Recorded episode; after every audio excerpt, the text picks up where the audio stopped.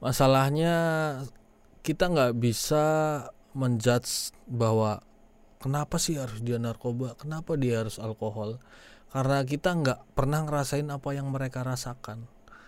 Dengan jadwal yang padat dengan jadwal yang mungkin sehari bisa tiga mungkin ada tekanan dari manajemen juga. Nah kita nggak bisa merasakan itu Singer Gang Podcast. Singer Gang Podcast. Singer Gang Podcast. Singer Gang Podcast. Singer Gang Podcast. Singer Gang Podcast. Podcast di Singer Gang. Ya, Assalamualaikum warahmatullahi wabarakatuh. Balik lagi di Singer Gang Podcast. Di podcast yang ketiga kali ini Gue bakal nemenin kalian kembali Untuk bahas sesuatu yang sangat menarik Dan kali ini Sesuai dengan judul yang lo baca itu Kita bakal bahas Musisi yang mati muda. Serem sekali pembahasan kali ini.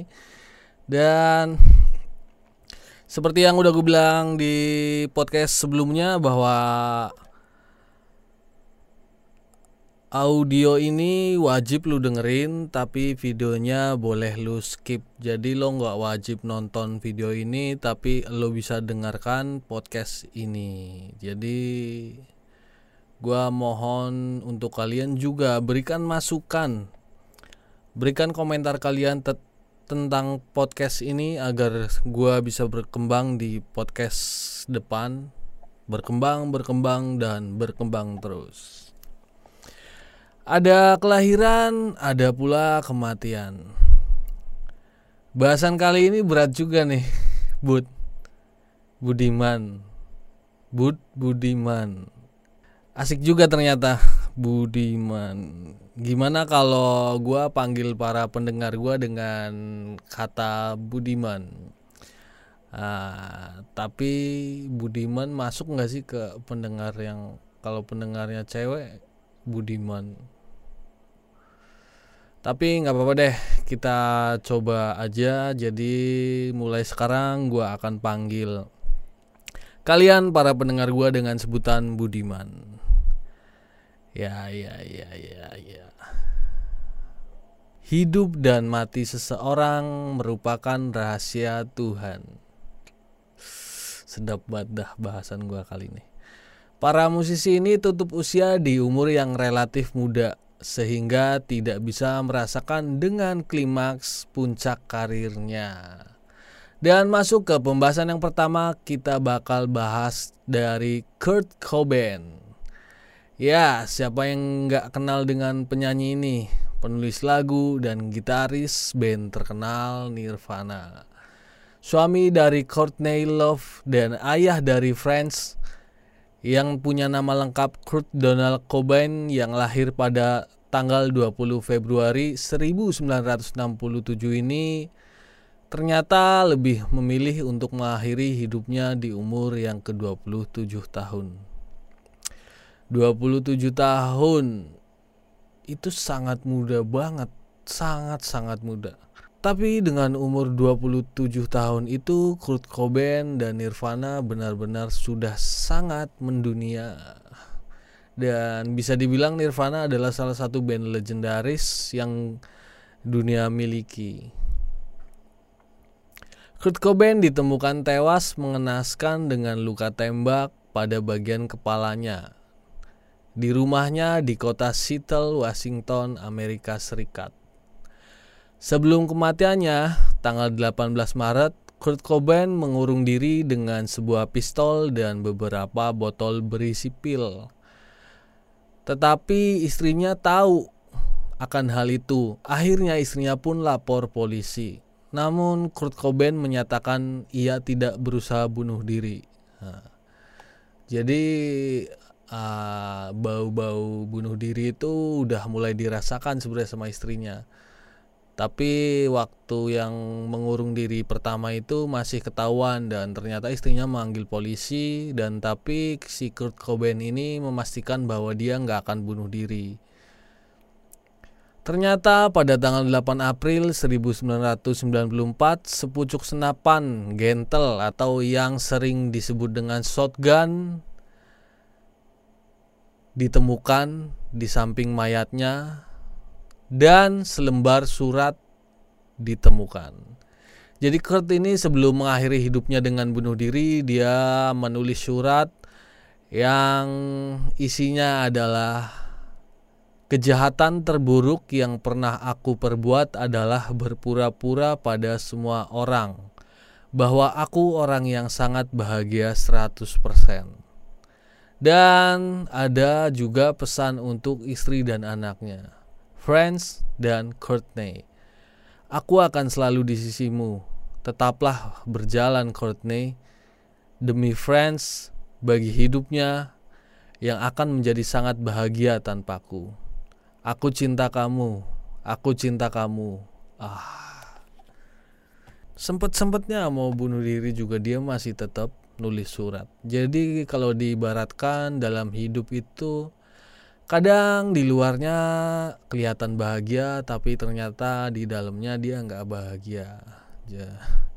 Berat juga jadi artis kalau dirasa-rasa gimana nggak sekelas Kurt Cobain mungkin pada masa berjayanya Nirvana dia sangat banyak melakukan tour perjalanan konser di mana-mana jadi itu gua rasa sangat menguras tenaga nah jadi buat kalian para budiman gua rasa jangan deh pura-pura bahagia atau bahkan kalian jika sudah mulai bosen kalian harus punya teman curhat seenggaknya kalian bisa cerita tentang keluh kesah hidup lo dan mungkin depresi-depresi dalam hidup itu akan mulai berkurang ketika lo bercerita tentang kedepresian lo itu. Dan masuk ke materi yang kedua ada Mac Miller. Hitmaker rapper Mac Miller meninggal dunia akibat overdosis pada 7 September 2018 di usia 26 tahun. Lagi-lagi nih 20 tahun kalau Kurt 27 dan kali ini 26. Saat itu Mac Miller ditemukan sedang terbujur kaku sambil berlutut dalam posisi berdoa. Di tempat tidur di kediamannya di San Fernando Valley. Seorang teman pria Mac menelpon 911 dari rumah sang rapper. Jadi si Mac ini ditemukan meninggal dalam posisi sedang berdoa. Seperti diketahui, Mac memang sudah berkutat dengan penyalahgunaan narkoba selama bertahun-tahun. Ketergantungan ini makin bertambah setelah dirinya putus dari Ariana Grande sekitar Mei 2018. Namun setelah diautopsi, pihak penyidik menegaskan bahwa obat-obatan yang Mac Miller konsumsi tidak dalam jumlah yang berlebihan hingga menyebabkan overdosis. Tetapi kematian tersebut disebabkan karena kombinasi obat-obatan yang dia konsumsi.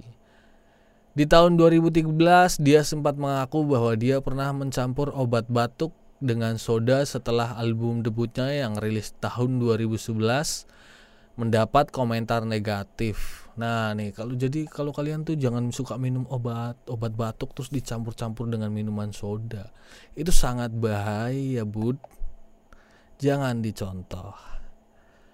Kabar kematiannya tentu membuat penggemar dan orang terdekat merasa terkejut. Tak hanya itu, sang mantan Ariana Grande pun juga merasakan hal yang sama. Jadi jangan deketin narkoba, jangan deketin. Jangan juga minum obat-obatan dicampur dengan soda. Apalagi dicampur obat-obatan yang banyak dicampur dengan soda yang banyak. Nah dan yang ketiga nih kita bakal pergi ke negara Korea ya kita akan bahas Kim Jong Un yeah. mungkin di sini banyak K-pop yang sudah tahu dengan kasus Kim Jong Un Penyanyi bernama asli Kim Jong Yun merupakan vokal leader salah satu dari lima personil Shine meninggal dunia dengan cara bunuh diri di apartemen pada tanggal 18 Desember 2017.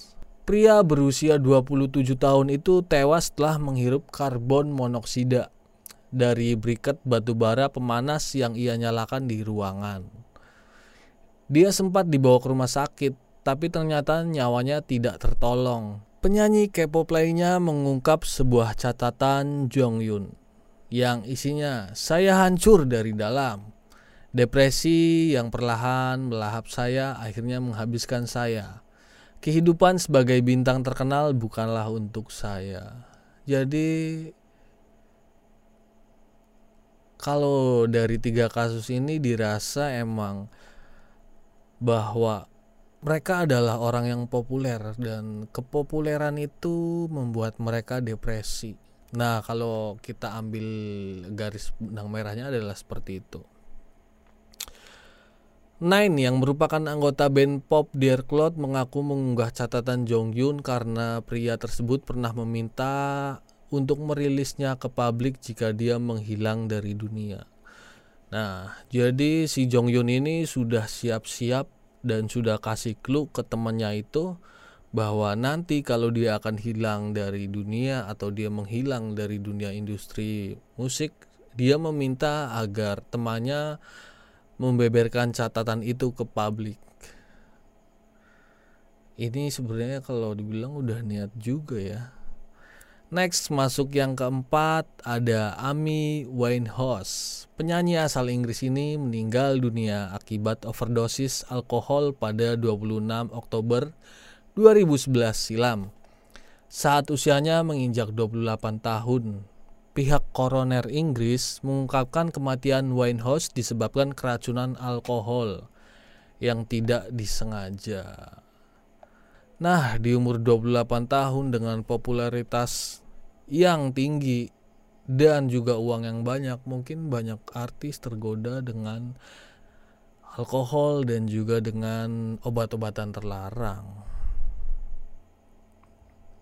Masalahnya kita nggak bisa menjudge bahwa kenapa sih harus dia narkoba, kenapa dia harus alkohol, karena kita nggak pernah ngerasain apa yang mereka rasakan dengan jadwal yang padat, dengan jadwal yang mungkin sehari bisa tiga, mungkin ada tekanan dari manajemen juga.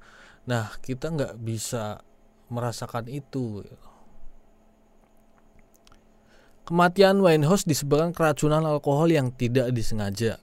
Saat itu, petugas menemukan bahwa kadar alkohol di dalam tubuh Winehouse 416 mg atau 100 ml darah.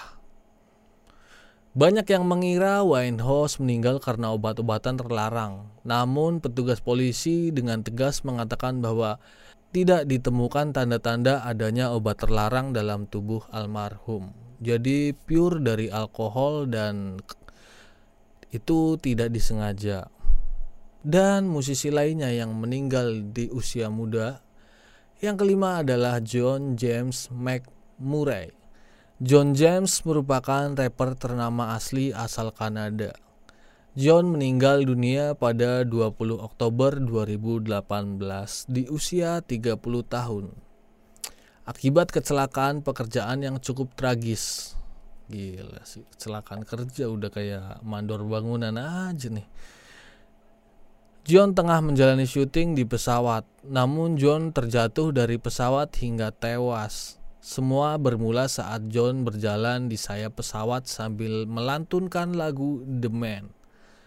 Dirinya berjalan semakin jauh ke sisi sayap. Secara tiba-tiba pesawat itu kehilangan kendali dan menuki ke samping hingga membuat John terpleset jatuh. Saat terjatuh, John mengalami kesulitan untuk membuka parasut, padahal ia sudah dekat dengan tanah. John terjun dengan cepat tanpa bisa membuka parasut. Jadi itu memang itulah kita kalau dalam bekerja itu kadang segala kemungkinan terjadi Padahal sudah diantisipasi dengan parasut tapi ternyata parasutnya tidak bisa terbuka. Jadi John tewas di usia 30 tahun. Kematian para tokoh yang dianggap memiliki bakat luar biasa, kontribusi inovasi dalam musik, serta kematian yang sedang berada di puncak karir sangat menyedihkan. Nah, selanjutnya mungkin gue bakalan bahas tentang Jimi Hendrix, tapi itu bakal ada di podcast selanjutnya. Dan gue harap kalian mau terus mendengarkan podcast ini. Dan semoga kalian menikmati podcast ini bantu gue agar terus berkembang dengan podcast ini. Gue minta saran masukan dan semua yang kalian ingin keluarkan tentang podcast ini. Sekali lagi gue ucapkan terima kasih buat kalian yang sudah mau nonton podcast ini. Tetap di Singer Gang podcast selanjutnya